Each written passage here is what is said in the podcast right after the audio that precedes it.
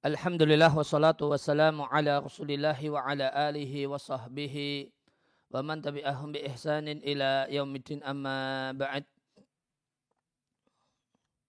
Kaum muslimin dan muslimah rahimani wa rahimakumullah. Kembali kita lanjutkan membaca dan mentelaah buku Al-Musawiqu minal wahyain yang berisi motivasi untuk semangat beribadah di bulan Ramadan Kita sampai di halaman 25. Kok nggak gerak ya?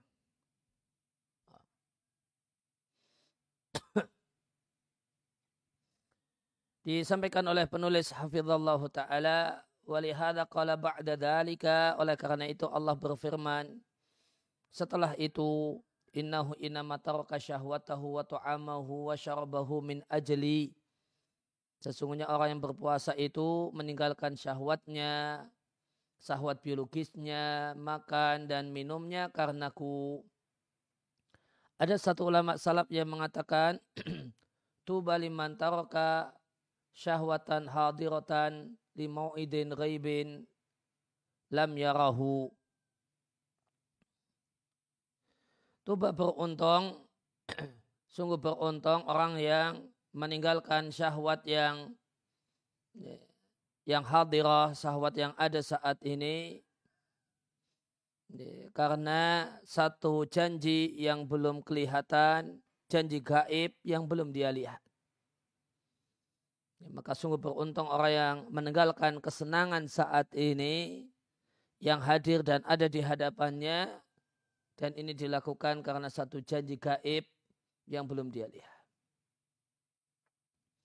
Lima alima alamma alima al-mu'minu sa'imu tatkala orang yang beriman yang berpuasa mengetahui bahasanya ridha Allah itu ada dalam fitar syahwatihi meninggalkan syahwatnya.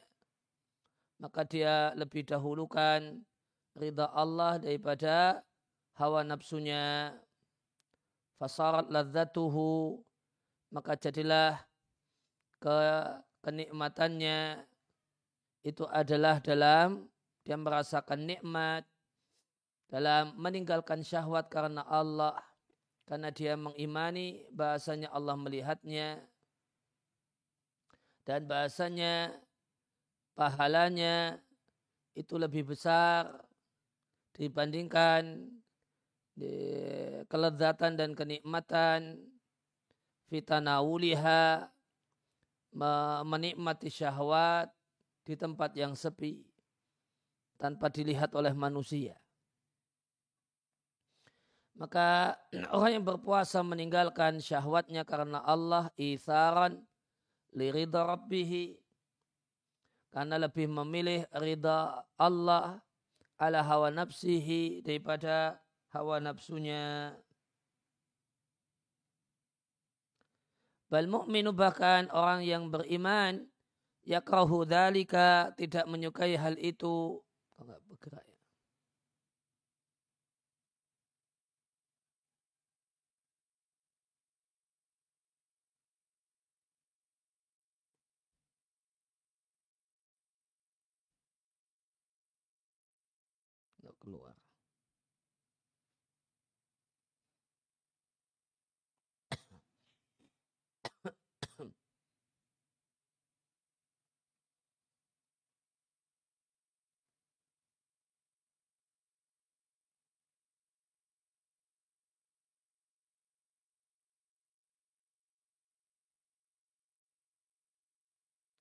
Bahkan orang yang beriman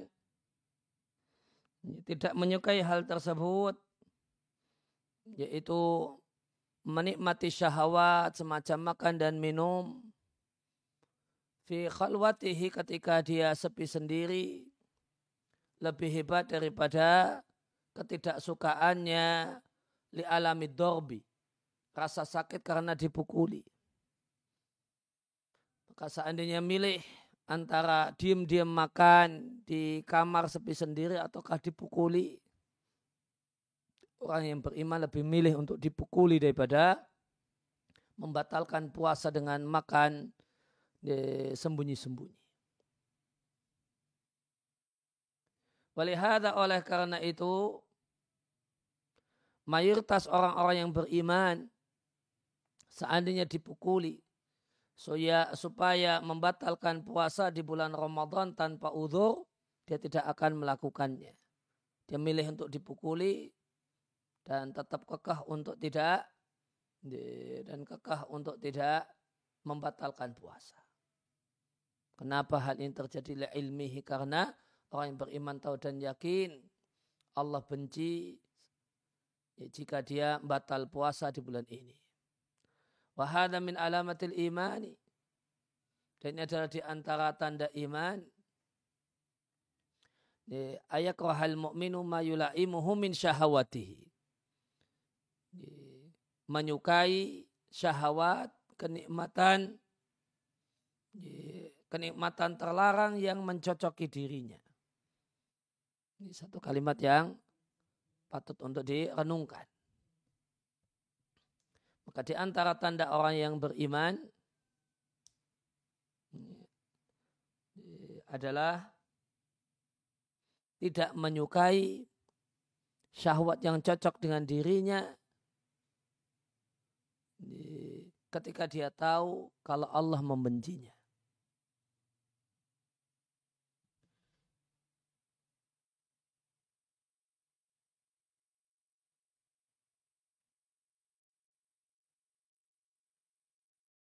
Ini min alamatil iman.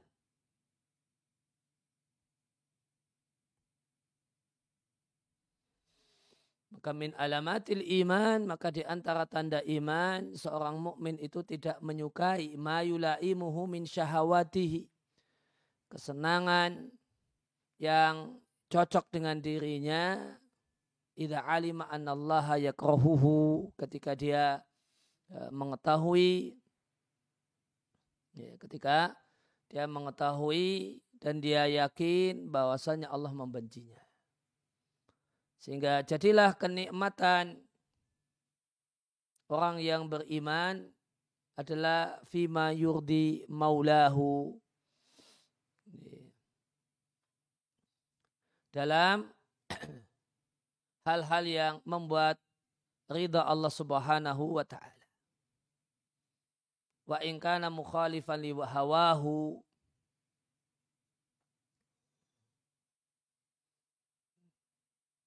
Meskipun apa yang membuat ridha Allah Subhanahu wa taala itu menyelisih hawa hawa nafsunya.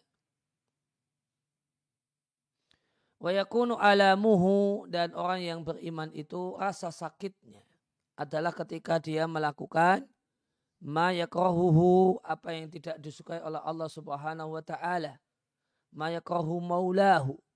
Apa yang tidak disukai oleh Allah subhanahu wa ta'ala meskipun hal tersebut adalah mencocoki selera dan nafsunya. Wa idha kana hada, jika hal inilah yang terjadi untuk hal-hal yang diharamkan li'aridin karena satu ya, yang yang diharamkan karena kondisi kondisional, karena kondisi puasa aslinya tidak haram.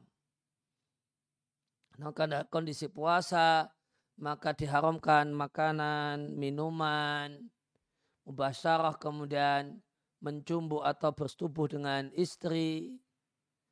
Fayambari ayata akkada dalika fima fima haruma alal itlaqi. Maka rasa benci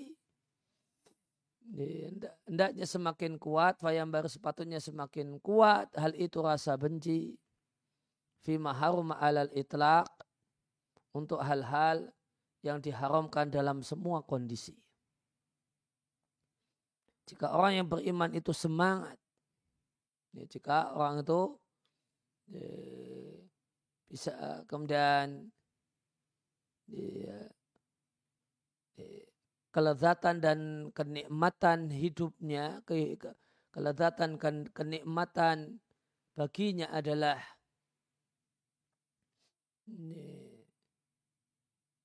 dalam meninggalkan syahwat, keinginan yang Allah haramkan. Padahal ini Allah haramkan li'aridin karena kondisi. Kondisi tertentu dalam ini kondisi puasa. Maka harusnya perasaan ini bahasanya kelezatan dan kenikmatan adalah meninggalkan e, syahwat. Itu lebih ditekankan lagi untuk hal-hal yang diharamkan alal itlaq dalam setiap kondisi. Semacam zina, minum khamar, mengambil harta yang bukan haknya,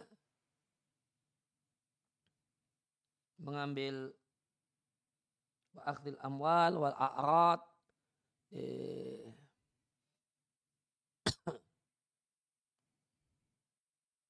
uh, uh, mungkin a'rad di sini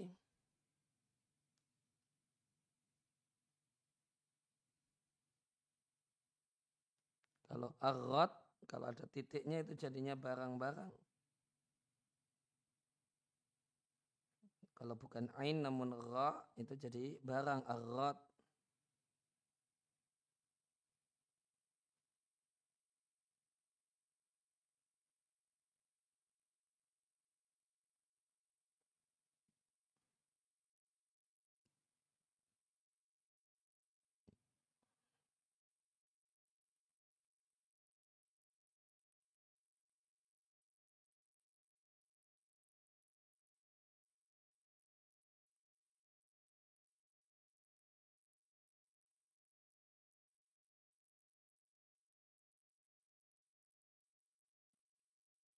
Barang juga. Bisa al-mata ardun ardun kemudian jamaknya a'radun artinya barang-barang.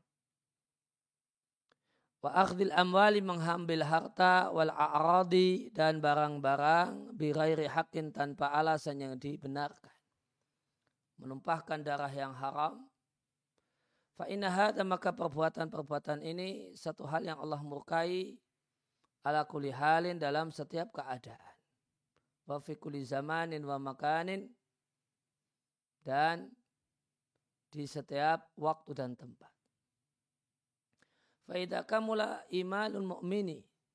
Maka jika sempurna keimanan orang yang beriman, maka dia akan membenci itu semua lebih besar daripada kebenciannya terhadap lil qatli wa dorbi, dibunuh dan dan dipukuli. Walihada oleh karena itu maka Nabi Shallallahu Alaihi Wasallam menjadikan di antara tanda adanya rasa manis iman adalah benci untuk kembali kepada kekafiran setelah Allah selamatkan darinya sebagaimana benci dilemparkan ke dalam kubaran api. Oleh karena itu maka Nabi Yusuf alaihissalatu wassalam bisa mengatakan Rabbi sijnu ahabu ilayya mimma yada'unani ilaihi. Ya Allah, penjara itu lebih aku sukai dibandingkan zina yang mereka mengajakku untuk melakukannya. Ini satu hal yang luar biasa. Ini satu hal yang luar biasa bisa mengatakan, Ya Allah masuk penjara, wahai Rabbku, masuk penjara dan dan merasakan berbagai macam kesusahan dalam penjara lebih aku sukai daripada dalam tanda kutip kenikmatan zina.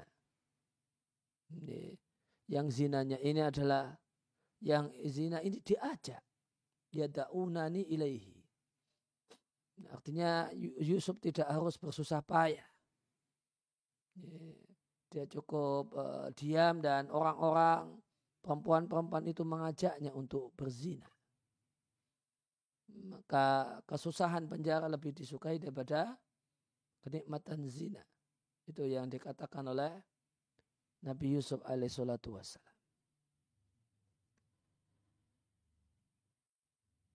Dan ini menggambarkan uh, tadi di hadis dengan sebutan halawatul iman.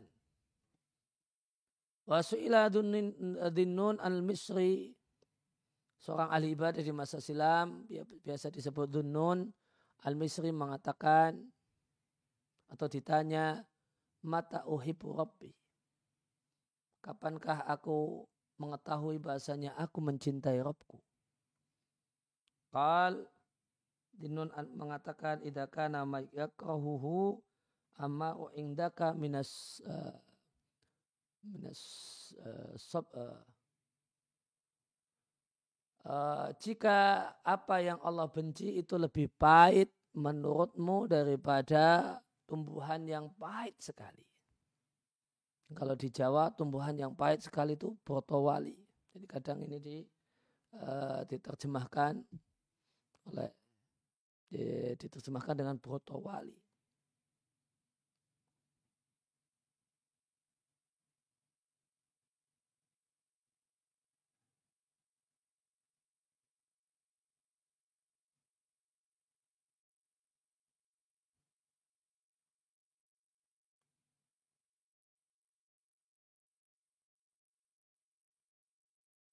Bacanya sobir.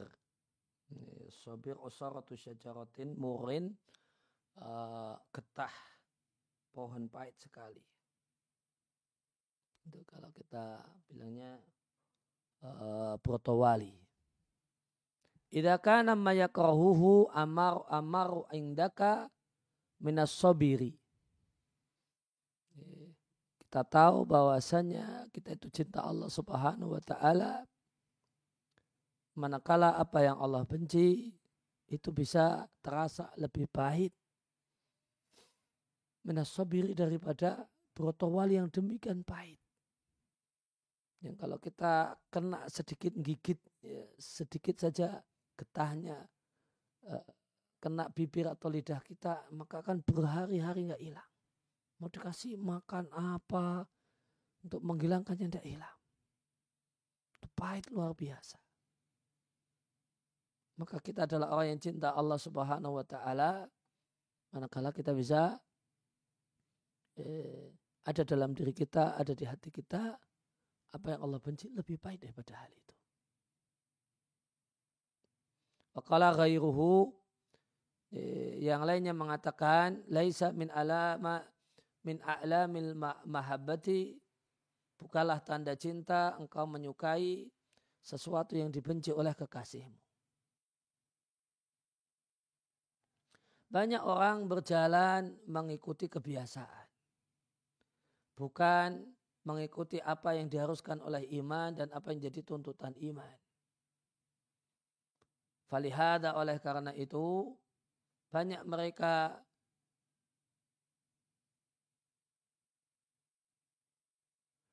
lauduriba seandainya dipukuli maka dia tidak akan membatalkan puasa di bulan Ramadan tanpa udur. Bahkan karena kebodohannya ada man orang yang tidak mau batal puasa meskipun ada udur. Meskipun dia mendapatkan madorot karena berpuasa. Padahal dalam kondisi ini Allah suka orang tersebut menerima keringanan dari Allah. Namun kenapa ada orang yang mendapatkan udur untuk batal puasa tetap tidak mau batal puasa? Maka ini bukti kalau orang ini sebenarnya jarian berjalan minhu alal adati karena kebiasaan. Berjalannya karena hal itu dia lakukan karena ya biasanya tidak biasanya tidak batal puasa. Ya, maka banyak orang itu hanya mengikuti kebiasaan. Tidak mengikuti syariat. Syariat mengatakan di sini yang lebih baik adalah batal puasa namun tidak mau batal. Karena mengikuti kebiasaan. Namun di sisi yang lain, wakat ada Sungguh dia telah ma'adhalika meskipun demikian dia telah terbiasa melakukan apa yang Allah haramkan berupa zina, minum khamar, mengambil harta dan barang milik orang atau bahkan menumpahkan darah tanpa alasan. Fahada yajri maka ini berjalan sebagaimana kebiasaan dalam itu semua bukan karena tuntutan iman. Waman amila bi muqtadal imani dan barang siapa yang bertindak karena tuntutan iman maka sungguh kenikmatan dirinya adalah dalam sabar-sabaran dengan dirinya. Maka e, kenikmatannya ada pada musabaratu nafsi, berjuang untuk bisa bersabar melawan dirinya. An menjauhi hal-hal yang dicondongi oleh jiwanya. Jika dalam hal yang dicondongi oleh jiwa tersebut terdapat muka Allah Subhanahu wa taala. Warubama dan boleh jadi yartaqi naik dan boleh jadi kondisinya adalah naik ila ayakroha membenci semua yang Allah benci dan lari darinya meskipun hal tersebut sebenarnya mula iman lin nufusi cocok untuk jiwanya kamakil sebagaimana dikatakan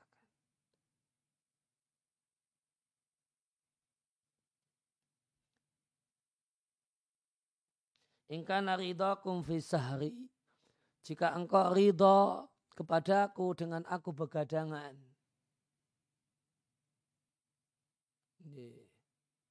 Fasalamullahi ala wasani.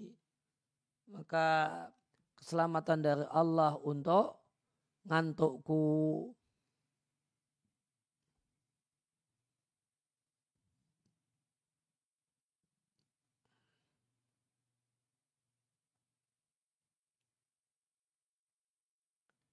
Wakala akhar penyair yang lainnya mengatakan buhu fika adabun. Siksaannya karenamu adalah siksaan. Derita, deritanya, penderitaan yang dia alami karenamu adalah derita. Wa ba'daka fika kurabun. Dan setelah wa, fika kurabun dan menjauhinya karenamu itu adalah hal yang mendekatkan kepadamu. Wa anta indika ruhi bal anta minha ahabbu.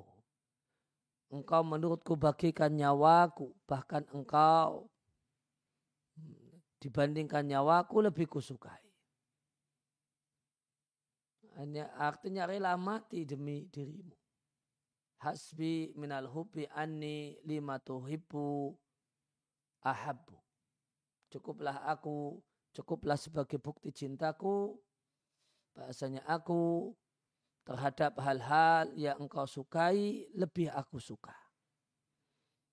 Itu bukti cintaku. Hal-hal yang kau sukai itu yang lebih aku, maka hal semua yang kau sukai, maka itu yang lebih aku sukai. Al-wajh penjelasan yang kedua. Penjelasan yang kedua ini.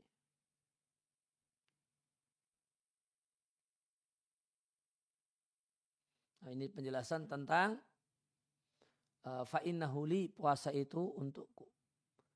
Maka uh, min asani madhukrafi wajahani. Penjelasan yang terbaik dalam masalah ini ada dua hal.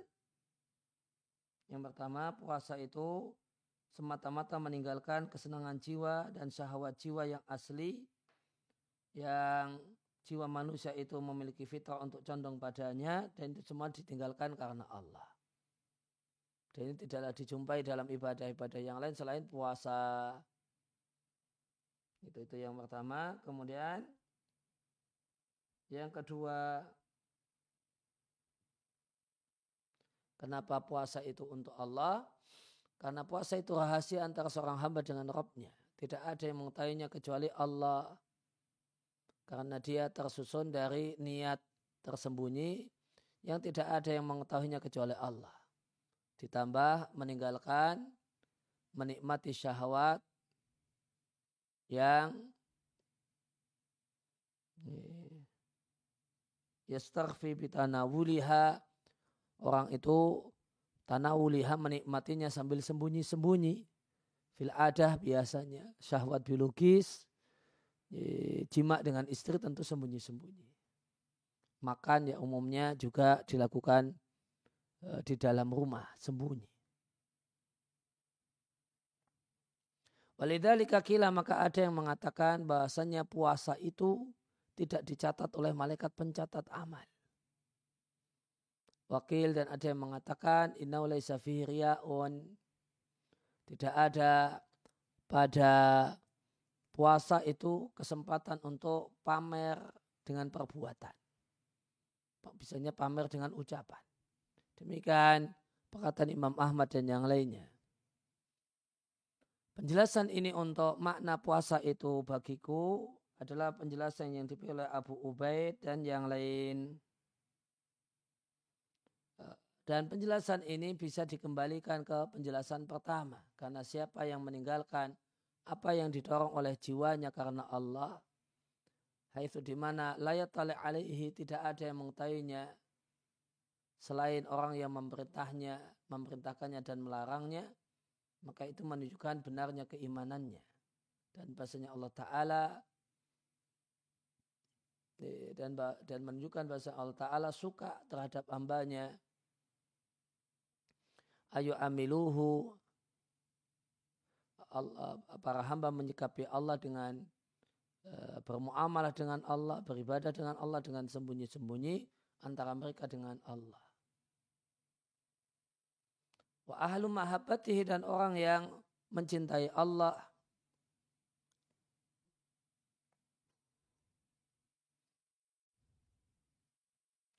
wa ahlu mahabbati dan orang mencintai Allah mereka ingin berinteraksi dengan Allah dengan keadaan sembunyi-sembunyi antara mereka dengan Allah. Pihak itu di mana tidak ada yang mengetahui di muamalah dan ibadahnya kepada kepada Allah selain Allah. Hatta sampai-sampai sebagian orang yang mencintai Allah itu berkeinginan seandainya punya kemampuan untuk melakukan ibadah yang tidak diketahui oleh malaikat pencatat amal.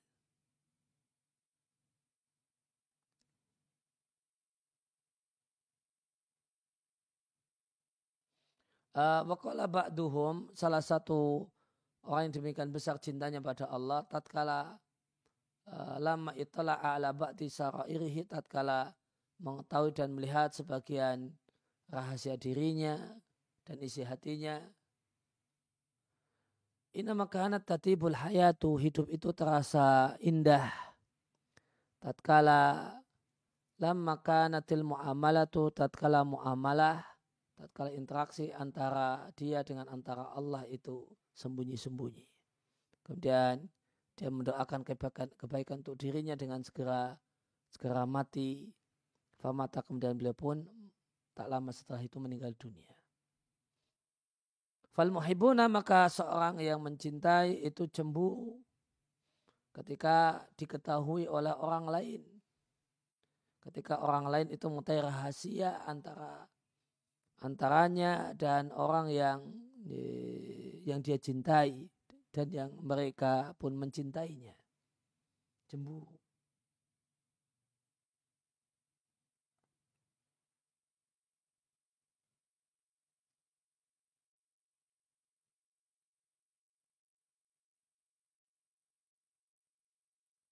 Nasimu soba. Nasim itu angin. Soba ya, uh, angin pagi yang ya, angin pagi itu uh, uh, supaya dingin ya, enak. Najid maka angin pagi yang sejuk itu kami jumpai mata cita hamilah.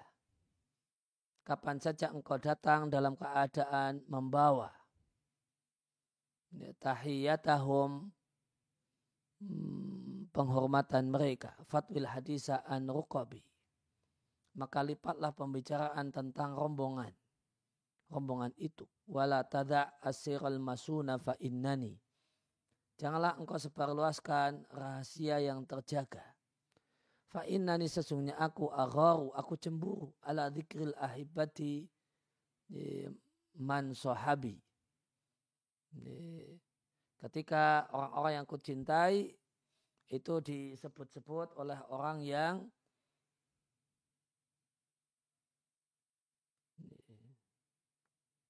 min dzikri min dzikril ahibati man min sahbi disebutkannya orang yang kucintai oleh orang yang jadi kawanku.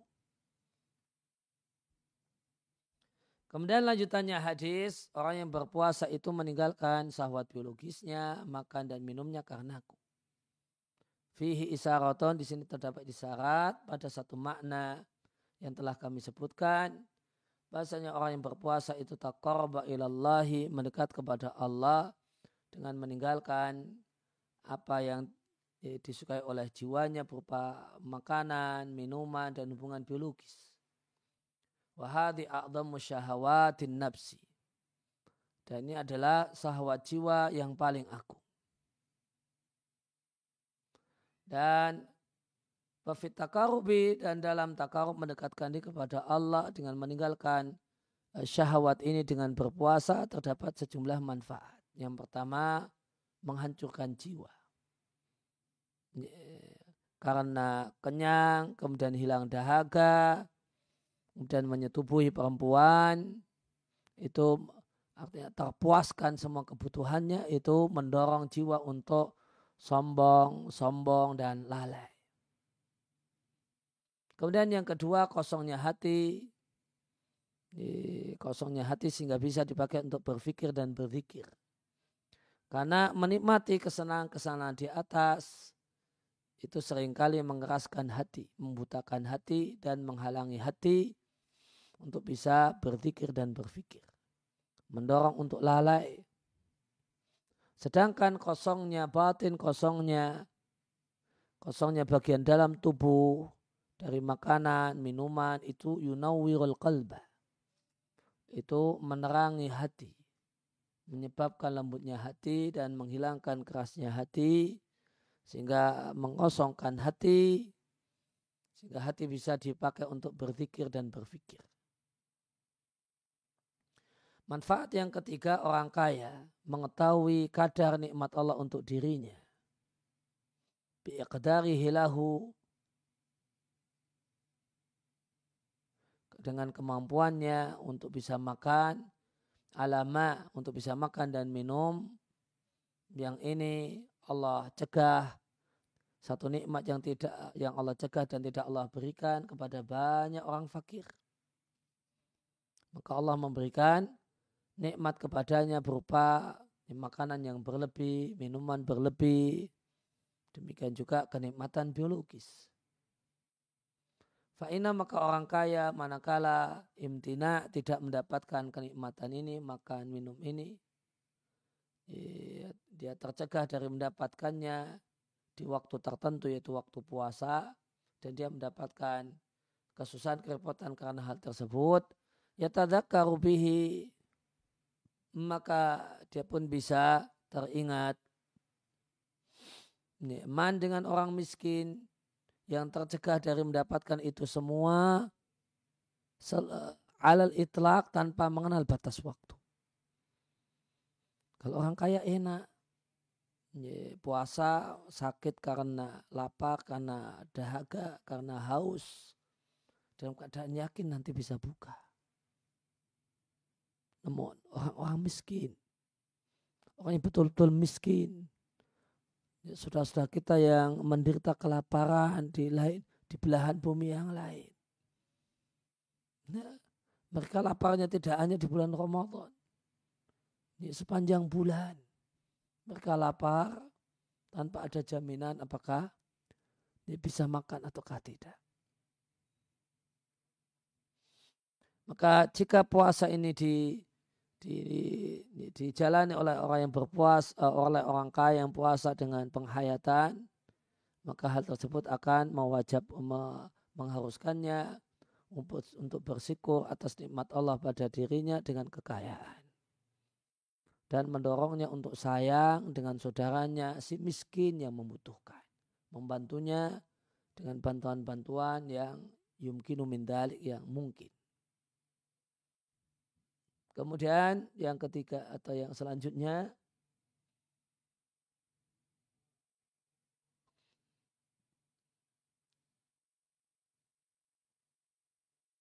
Anasyama bahasanya puasa itu menyebabkan yudayik mempersempit peredaran darah yang merupakan tempat jalannya setan di badan manusia. Karena kata Nabi setan itu berjalan di badan manusia di pembuluh darahnya.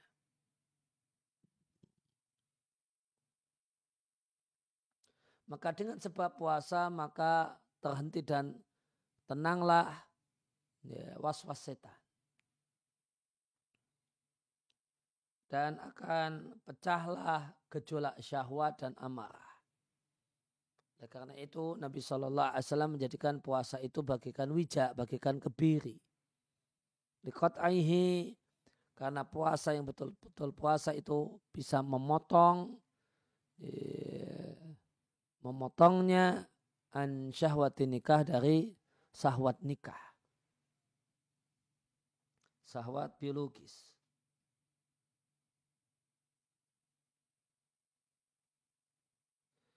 Wa'lam dan ketahilah bahasanya tidaklah sempurna mendekatkan diri kepada Allah dengan meninggalkan syahwat-syahwat mubah ini. Ya, syahwat biologis yang mubah, makanan dan minum yang mubah. Tidak akan sempurna uh, mendekatkan diri kepada Allah dengan puasa,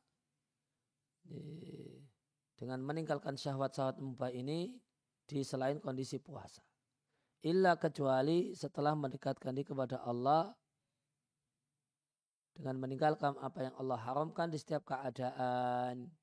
Jadi antara hal yang Allah haramkan ada ya, minal kadhib, uh, uh, berbohong, zalim, melanggar hak orang lain dalam masalah darah, harta dan uh, kehormatan orang. Oleh oleh karena itu Nabi Wasallam menyampaikan Siapa yang tidak meninggalkan ucapan palsu dan perbuatan palsu, Allah tidak membutuhkan puasanya. Yang hanya dalam bentuk meninggalkan makan dan minumnya. Diriatkan oleh Al-Bukhari. Dalam hadis yang lainnya, laisa siyamu minata'ami syarab. Bukalah puasa itu sekedar tidak makan dan minum. Inna masyamu hanyalah puasa itu minal larwi warofath. Dari hal-hal yang sia-sia dan hal-hal yang seronok dikeluarkan oleh Ibnu Hibban dan Al-Hakim dari Abu Hurairah.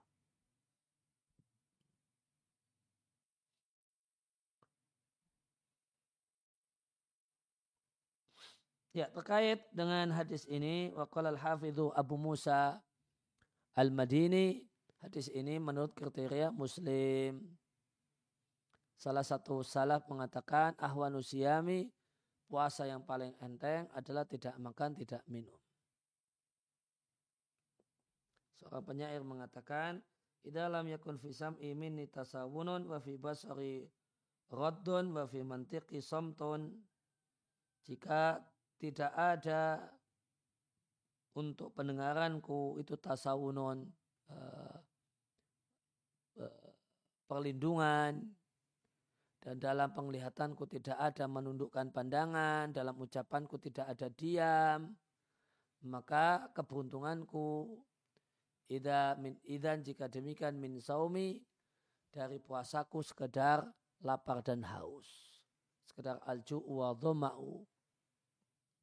Fa in kultu ini ini sumtu yaumi fama sumtu. Maka jika aku mengatakan saya puasa Padahal pendengaran tidak ditutupi, penglihatan tidak ditundukkan, mata juga tidak, uh, ucapan juga tidak ada diam, dikendalikan. Maka sebenarnya famasum tu aku tidak puasa.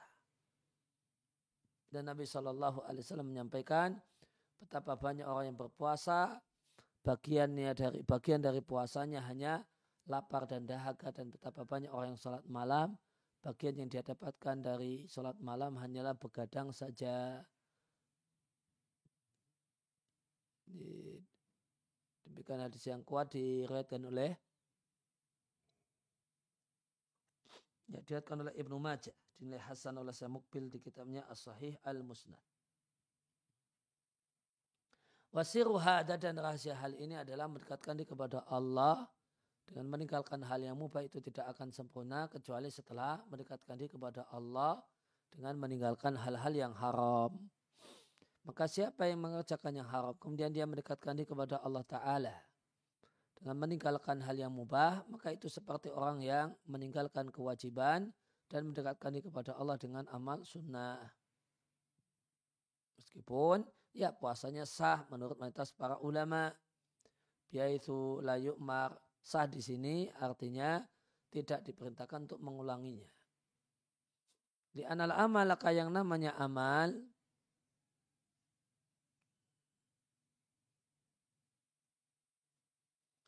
Uh, li'anal amal yang namanya amal ina mayabtulu hanyalah batal dengan melakukan hal-hal yang terlarang dan itu adalah larangan khusus bukan meninggalkan hal yang terlarang namun larangannya larangan bukan larangan namun larangannya larangan umum sehingga larangan umum itu lirari maknan yaktasubihi bukan karena faktor yang menjadi kekhasan hal itu Hada huwa qawlu jumhuril ulama'i. Inilah pendapat mayoritas para ulama. Jadi misalnya sholat itu batal ketika melakukan larangan khusus. Larangan khusus sholat ngobrol. Kok sholat ngobrol batal.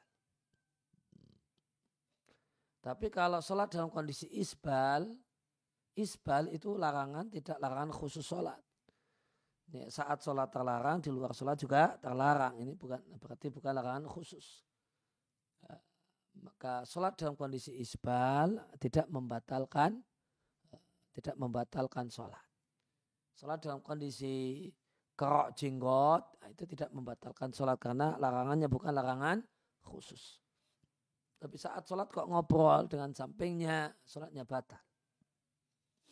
Karena di luar sholat, orang itu tidak terlarang ngobrol. Maka larangan ngobrol adalah larangan khusus.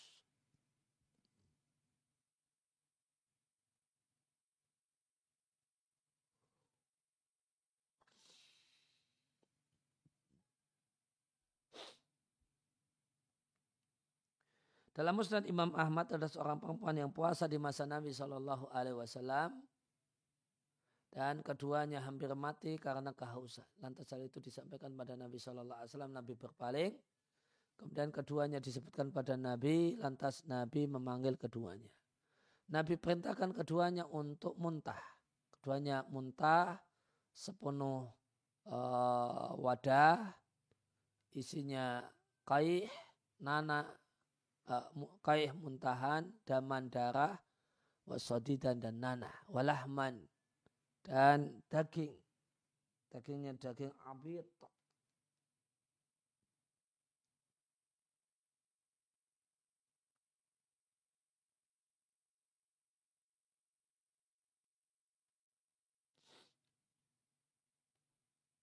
Ada istilah daging abid.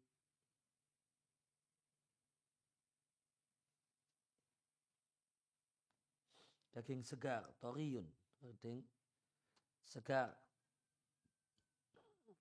Lantas Nabi Shallallahu Alaihi Wasallam mengatakan, dua orang ini puasa dengan meninggalkan apa yang Allah halalkan dan berbuka dengan melakukan apa yang Allah haramkan. Yang satu duduk mendekat kepada yang lain, kemudian keduanya bareng-bareng memakan daging manusia dengan riba, dengan menggunjing. Hadis yang taif dikeluarkan oleh Imam Ahmad.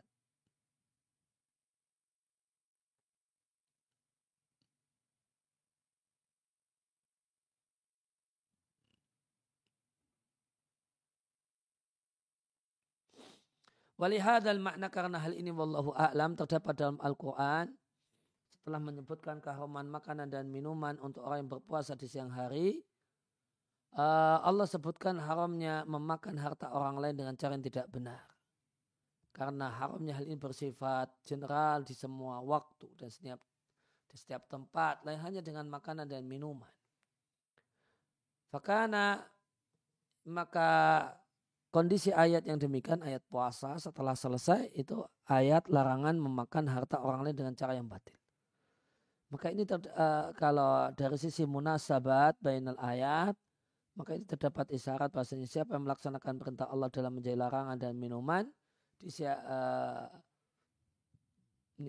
di siang hari puasa saat dia puasa maka adalah dia taat kepada perintah Allah untuk menjauhi memakan harta orang lain dengan cara yang batil. Karena hal ini memakan harta orang dengan cara yang batil itu haram dalam setiap keadaan, tidak pernah jadi mubah di waktu-waktu tertentu, tidak. Kemudian uh, sabda Nabi Shallallahu Alaihi Wasallam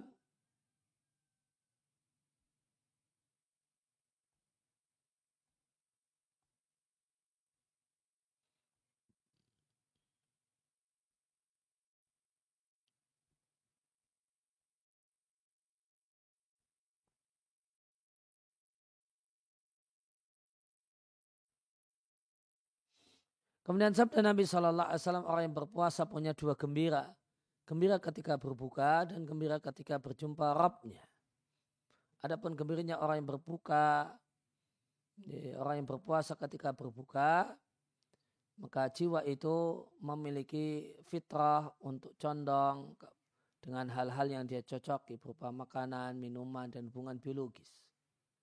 Fa'idha muni'at min dhalika jika apa yang jadi kecenderungan jiwa itu ter, di, dilarang, dicegah fi waktu menal di, di sebagian waktu, kemudian dibolehkan di waktu yang lainnya, maka jiwa akan gembira.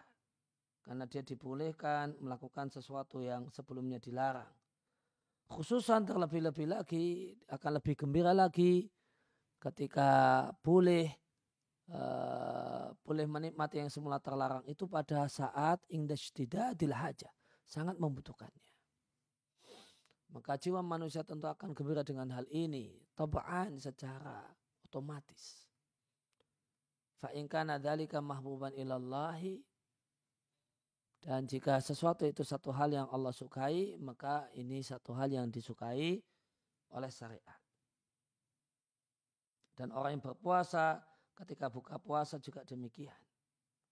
Maka sebagaimana Allah Ta'ala mengharamkan orang yang berpuasa di siang hari puasa untuk menikmati kesenang-kesenangan ini, maka sungguh Allah izinkan hal uh, Allah izinkan bagi orang berpuasa menikmati kesenangan-kesenangan tersebut di malam-malam Ramadan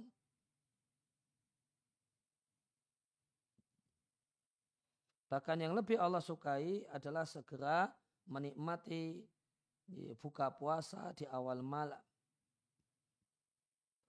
Di awal malam yaitu dengan mengerjakan berbuka dan di akhir malam dengan mengakhirkan sahur. Maka orang yang berpuasa meninggalkan sahur hanya karena Allah di siang hari dengan tujuan mendekatkan diri kepada Allah dan taat kepada Allah. Dan bersegera uh, kemudian menikmati syahwat yang halal tersebut di malam di malam hari dalam rangka mendekatkan diri kepada Allah dan taat kepada Allah. Maka orang yang berpuasa tidaklah meninggalkan syahwat kecuali dengan perintah Allah, tidak pula kembali menikmati syahwatnya kecuali dengan perintah Allah. Sehingga orang yang berpuasa itu adalah orang yang taat kepada Allah dalam dua keadaannya. Oleh karena itu Nabi melarang puasa wisol. Ya. Puasa yang nyambung ya. Faidah badar asaimu maka jika orang yang berpuasa itu bersegera untuk berbuka karena mendekatkan kepada Allah, dia makan, minum dan memuji Allah, maka diharapkan baginya mendapatkan ampunan dan mendapatkan ridha Allah karena hal itu. Nah, di hadis disebutkan bahasanya Allah itu senang terhadap seorang hamba yang makan satu makan lantas satu makanan lantas memuji Allah karenanya dan minum satu minum kemudian memuji Allah karenanya. Maka orang yang berpuasa di malamnya dan siangnya, dia dalam ibadah. Dikabulkan doanya ketika berpuasa, ketika berbuka. Maka orang yang berpuasa di siang harinya adalah orang yang berpuasa dan bersabar. Sedangkan di malam harinya adalah orang yang makan yang bersyukur. Memanfai mahada, maka siapa paham hal ini yang telah kami isyaratkan, maka dia tidaklah tidaklah tidak akan tawakuf, tidak akan bingung tentang makna gembiranya orang yang berpuasa ketika berbuka. Karena buka puasa dalam bentuk yang telah disebutkan adalah bagian dari karunia Allah dan kasih sayangnya. Maka termasuk dalam firman Allah Ta'ala, katakanlah dengan karunia Allah dan kasih sayangnya, fabidhalika oleh karena itu hendaklah maka hendaklah karena hal itu hendaknya mereka gembira wa khairun mimma yajma'un itu satu hal yang lebih baik daripada harta yang mereka kumpulkan. Namun syarat hal ini adalah buka puasanya dengan yang halal. Jika buka puasa dengan yang haram, maka eh, kan adalah orang tersebut miman tergolong orang yang berpuasa dari apa yang Allah halalkan dan membatalkan puasa dengan apa yang Allah haramkan. Tidak akan dikabulkan doanya.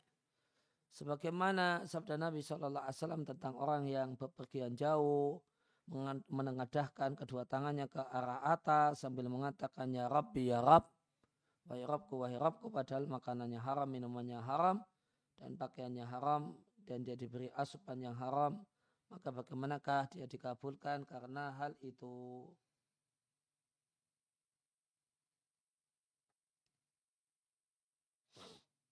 Ya demikian yang kita kaji kesempatan uh, pagi hari ini. Wassalamualaikum ala nabiyina Muhammadin wa ala alihi. Subhanakallahumma bihamdika asyhadu an la ilaha illa anta astaghfiruka wa atubu ilaih.